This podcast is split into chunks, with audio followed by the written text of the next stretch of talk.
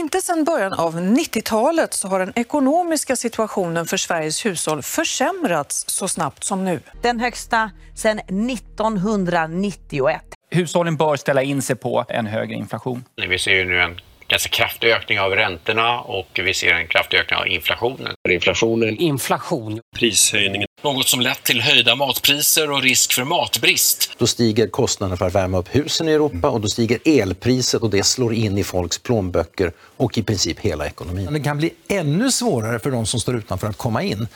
Hyperstagflation riskerar att drabba världsekonomin. Konsekvenserna av pandemi, krig och inflation samspelar just nu för att skapa unikt destruktiva förutsättningar för den västerländska civilisationen. Men vad är egentligen hyperstagflation? Hur har denna situation uppstått? Och kanske viktigast, vad bör man göra nu? Dessa frågor tar jag upp i veckans video om hyperstagflation. Jag heter Henrik Jönsson och jag är en oberoende libertariansk entreprenör och samhällsdebattör. Uppskattar du mina filmer så hjälper du mig att kunna fortsätta göra dem om du stöttar mig via något av betalningsalternativen här ute till vänster. Det är nämligen endast tack vare ert frivilliga stöd som jag kan fortsätta att producera aktuella nya videokrönikor varenda vecka, så ett stort, stort tack till de av er som gör denna kanal fortsatt möjlig. Är du ny här på kanalen så kan du dessutom med fördel prenumerera här nedanför. Se även till att klicka på den där inflationsdrabbade klockikonen, men prenumerera framförallt på mitt kostnadsfria veckobrev som finns länkat i videons beskrivning, så missar du garanterat aldrig när jag släpper nya filmer, vilket jag gör med hyperstabilitet varenda lördagsmorgon klockan 08.00 svensk tid. Idag talar jag om epidemin, energin och ekonomin. Häng med!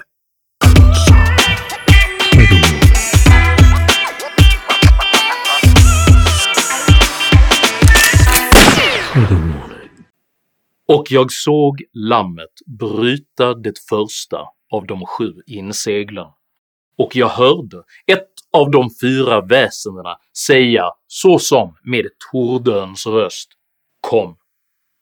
Med dessa ödesmättade ord inleds Uppenbarelsebokens sjätte kapitel, vilket aviserar ankomsten av apokalypsens ryttare. Den gule ryttaren representerar pest. Den röde ryttaren representerar krig och den svarte ryttaren representerar svält. Utan att dra allt för stora växlar på detta domedagsscenario så samverkar faktiskt just nu konsekvenserna av den globala covid-pandemin, kriget i Ukraina och den accelererande stagflationen till en form av perfekt storm som får 1970-talets energikris att framstå som en sommarbris. Begreppet stagflation myntades 1965 av den brittiske politikern Ian McLeod och beskriver ett samhällsekonomiskt tillstånd som präglas av låg tillväxt, alltså stagnation, och hög inflation samtidigt. Dessa båda fenomen brukar inte samexistera eftersom inflation tenderar att driva på ekonomin medan stagnation bromsar in ekonomin.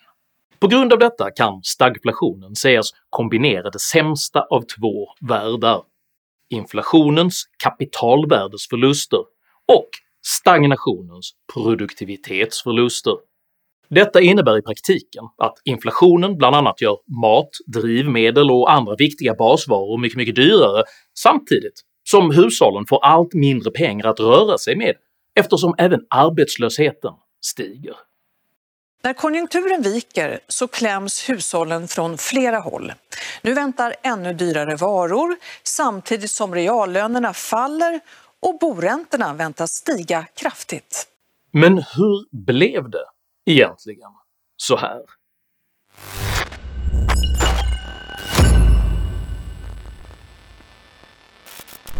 Anledningen till att världens ekonomier nu ser ut att röra sig in i stagflation går hela vägen tillbaka till subprime-krisen 2008.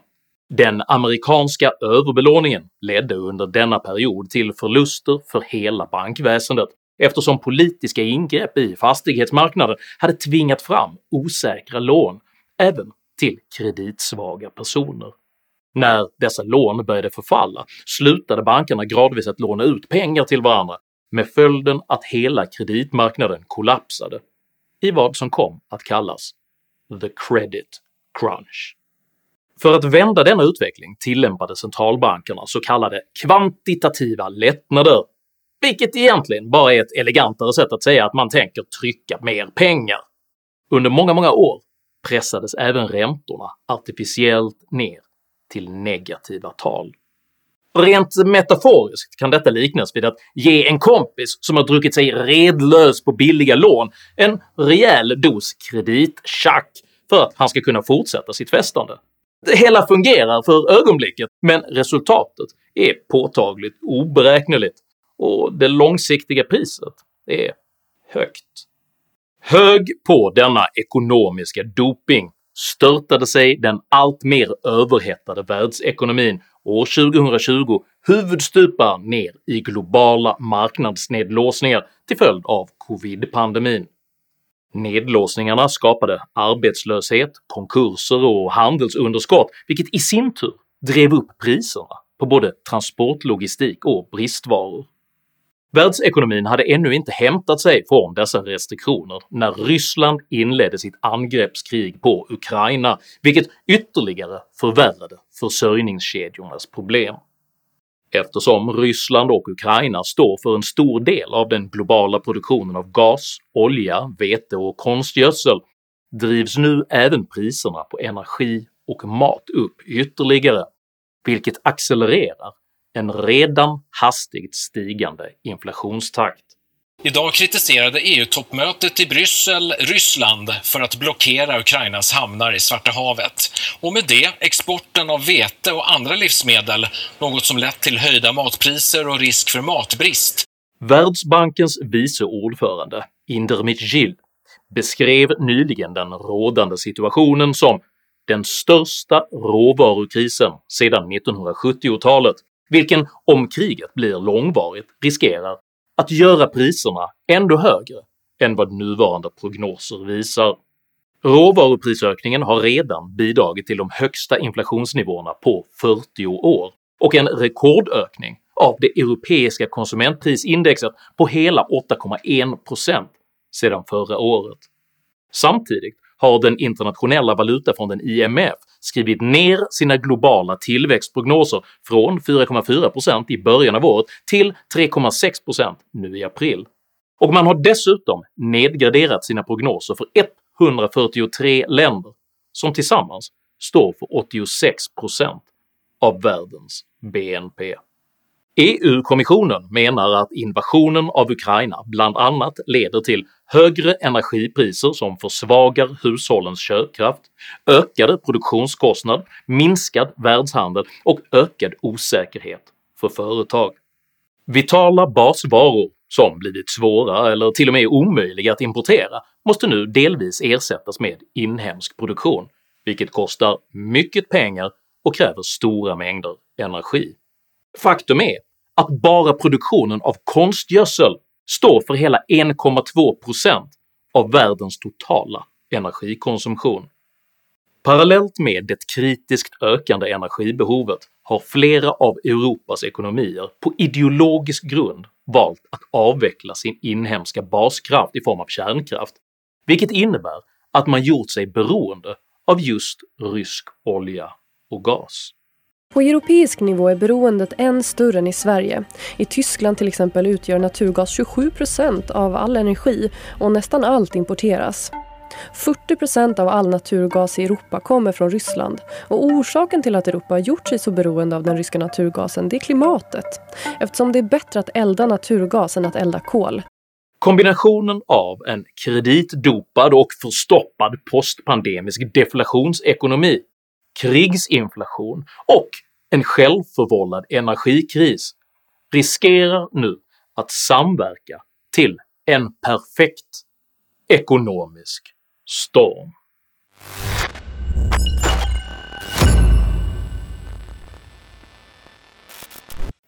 I en lågkonjunktur är tillväxten och inflationen låg.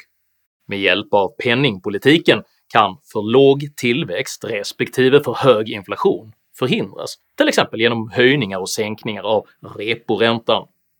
Vid stagflation behöver däremot båda dessa fenomen stabiliseras samtidigt, och detta har inte penningpolitiken några verktyg för alls. På grund av detta är stagflation någonting som till varje pris bör förhindras, för det finns nämligen ingen ekonomisk konsensus rörande hur man faktiskt stoppar stagflation när den väl börjat. Den svenska riksbankens inflationsmål ligger på 2 procentenheter per år, men inflationen är just nu redan 7,2% och den fortsätter att stiga. Som konsekvens av detta tvingades riksbanken höja styrräntan från 0 till 0,25 procentenheter redan den 28 april 2022 istället för 2024 som var planen. Bankernas räntor tenderar även att följa styrräntan, men med påslag för sina egna marginaler. Förra veckans höga inflationssiffror gav omedelbar effekt på bolåneräntorna, och i Swedbanks reviderade prognos räknar man nu med att den rörliga bolåneräntan kommer att ligga på 3,4% inom ett år. För att bli konkret innebär detta alltså att en person med ett lån på 5 miljoner kronor som idag betalar 75 000 kronor årligen i räntekostnader inom ett års tid beräknas behöva betala mellan 150 000 och 200 000 kronor för samma lån. Ganska kraftig ökning av räntorna och vi ser en kraftig ökning av inflationen så att det är en stor omställning för de som har höga skulder. Denna prognos höjer alltså hushållens kostnader med mellan 6 000 och 12 000 kronor i månaden. Uppe på detta beräknas Europas redan volatila energipriser att fortsätta stiga. Under förra veckan skenade elpriset i södra Sveriges storstadsregioner hela 13 524% bara mellan söndagen och måndagen. Stora svängningar eh, i elpriset. Magnus Torstensson, eh, elmarknadsanalytiker, finns med oss nu. Eh, akut just nu är ju egentligen att eh, den ryska exporten av gas till Europa eh, minskar. Eh, och dessutom så har vi då sedan någon vecka tillbaka, eller ett par veckor tillbaka, så har ju ryssa, den ryska elimporten till Finland och Norden minskat. Och det gör att efter, eh, efterfrågan på el inte kan täckas. Och till det kommer även en just nu låg eh, vindkraftproduktion. De varma sommarmånaderna beräknas redan bli de dyraste någonsin och allt tyder på att energipriserna kommer att fortsätta att öka under de kallaste höst och vintermånaderna. De hushåll som såg sin elräkning fördubblas från säg 2000 till 4000 kronor under pristoppen i februari 2022 gör klokt i att förbereda sig på ytterligare en fördubbling från 4000 kronor till 8000 kronor. Detta är en direkt konsekvens av att Europas avvecklade kärnkraftsreaktorer har skapat ett beroende av rysk energi som i krigstid skenar i pris. Denna prisutveckling på energi drabbar även hela det svenska näringslivet med både uppsägningar, neddragningar och konkurser som följd. Som konsekvens av detta stiger nu även priset på basvaror kraftigt, vilket livsmedelsföretagens chefekonom Carl Eckerdal kommenterar enligt följande “Den här krisen är mycket mer komplex och svårnavigerad. Mitt svar är att vi måste räkna med att vi förmodligen landar över 7% i prisökningstakt. Flera osäkerhetsfaktorer utöver råvarubrist får världshandeln att gunga, som problem med transporter, brist på förpackningar och rusande elpriser. Kriget gör att det inte finns någon prognos i avmattning framåt. Det fortsätter att klättra uppåt och är väldigt svårnavigerat framåt. Och det här det får såklart eh, ja, stora ekonomiska konsekvenser för många, inte minst på grund av de ökade matpriserna.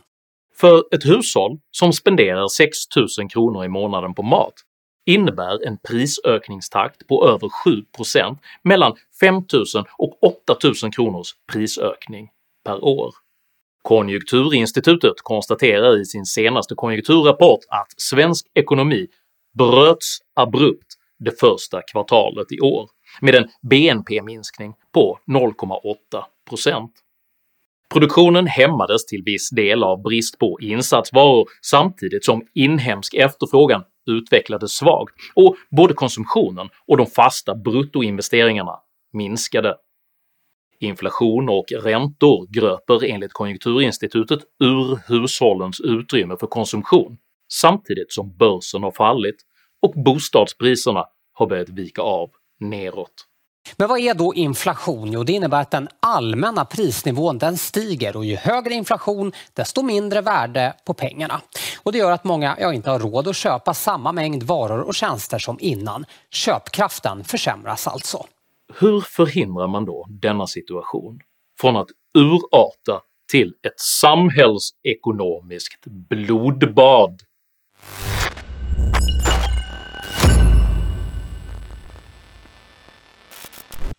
Mycket tyder på att Sverige under hösten kommer att ha inflationssiffror på väl över 7% med en bolåneränta runt 5%, recession, negativ bytesbalans samt fastighetsförluster på mellan 10 och 30%.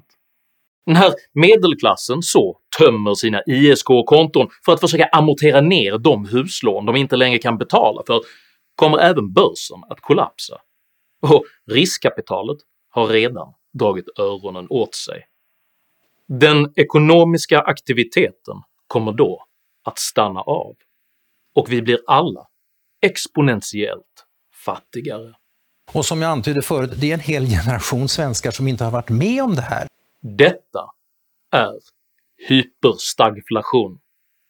Denna situation varken kan eller bör hanteras genom att gödsla ekonomin med ändå mer artificiell kredit eftersom detta bara stärker den underliggande obalansen som nu måste korrigeras. Marknaden måste istället beredas optimala förutsättningar för att kunna läka sig själv genom avregleringar, förenklingar och skattelättnader. Hushållen måste ges utrymme att sanera sina egna ekonomier, inte genom bidrag, stöd och stimulanser utan genom att få behålla de pengar som endast verkligt värdeskapande ger dem. Vad som nu fordras är seriösa, långsiktigt tänkande och ekonomiskt ansvarsfulla beslutsfattare. Dessvärre så har vi en regering som så sent som för 18 månader sedan lånade över 100 miljarder kronor för att samtliga partier i det olycksaliga gökstyret skulle kunna driva igenom sina egna käpphästar. En sjujäkla satsning på välfärden. En sjujäkla skattesänkning. 7000 till miljösatsning. Vi har en regering som frångick det finanspolitiska ramverket och höjde den svenska nationella skuldsättningen med hela 7,4% på ett enda år. Alltså föreställa sig en situation där eh, regeringen och samarbetspartierna sätter sig ner och, och, och, börjar diskutera hur sätter vi sprätt på 100 miljarder i en statsbudget. Det, det hade ju varit liksom ett helt vrickat scenario bara för ett halvår sedan. Och vi har en regering som i valrörelsen slåss med andra publikfriande politiker om att dela ut mest pengar i form av stimulanser, satsningar och frikostiga bidrag. Regeringen kommer därför att avsätta drygt 6 miljarder kronor i stöd för att kompensera de hushåll som drabbats hårdast. Elpriskompensationen når över 1,8 miljoner hushåll. Det handlar bland annat om sänkt skatt på arbetsinkomster, för äldre och för personer med sjuk och aktivitetsersättning. För det andra kommer regeringen lägga fram en särskild drivmedelskompensation på 1000 kronor till alla person, privatpersoner som äger en bil. Detta beteende är exakt vad som orsakat krisen i Sverige och i andra västerländska länder. Den politiska föresatsen att köpa aningslösa väljares röster för deras egna pengar under föreställningen att någon annan kommer att betala kalaset vid ett senare tillfälle när de inte längre själva är ansvariga. Men tillfället då kalaset ska betalas är nu. Notan ligger på bordet, kreditkortet är övertrasserat och alla utgångar är låsta. Det finns dock förtröstan i att apokalypsens fjärde ryttare faktiskt är segern. För även sjukdom, krig och svält har faktiskt en ände. Och kanske erbjuder de prövningar vi alla nu ovillkorligen står inför en form av rening, där bortskämt, självupptaget och moraliskt koketterande ledarskap slutligen tvättas bort till förmån för en nyktrare era utan poserande ytligheter. Det finns faktiskt redan indikationer på att identitetspolitikens mest odugliga företrädare är de första som faktiskt städas bort när svångremmen dras åt på allvar. Nu är det upp till var och en av oss att som civilsamhälle resa sig för att vara goda familjeförsörjare, goda grannar och goda medmänniskor i en tid där civilsamhället måste bära det ansvar som den politiska makten inte längre förmår göra. Och då såg jag framför mig en vit springare och ryttaren på dess rygg bar en båge och en segerkrans sattes på hans huvud, ty han kom som segrare för att segra på nytt. Tycker du att ett fungerande energisystem, en balanserad ekonomi och ett ansvarsfullt civilsamhälle är viktigare än finansieringen av ideologiskt poserande. I så fall tycker jag att du ska dela den här videon med dina vänner. Och varför inte passa på att prenumerera på min YouTube-kanal om du ändå är i farten. Har du egna erfarenheter av inflation, deflation eller stagflation? Dela i så fall gärna med dig av dina upplevelser i kommentarsfältet här nedanför. Jag uppskattar all respektfull kommunikation. Kom dock ihåg att alltid vara artig. Jag accepterar inte aggression, personangrepp eller rasism i mina idédrivna kommentarsfält. Tack för att du som kommenterar respekterar detta. Jag heter Henrik Jönsson och jag tror att vi står inför mycket hårda tider, men även att vi tillsammans kan gå stärkta ur dem. Tack för mig och tack för att ni har lyssnat.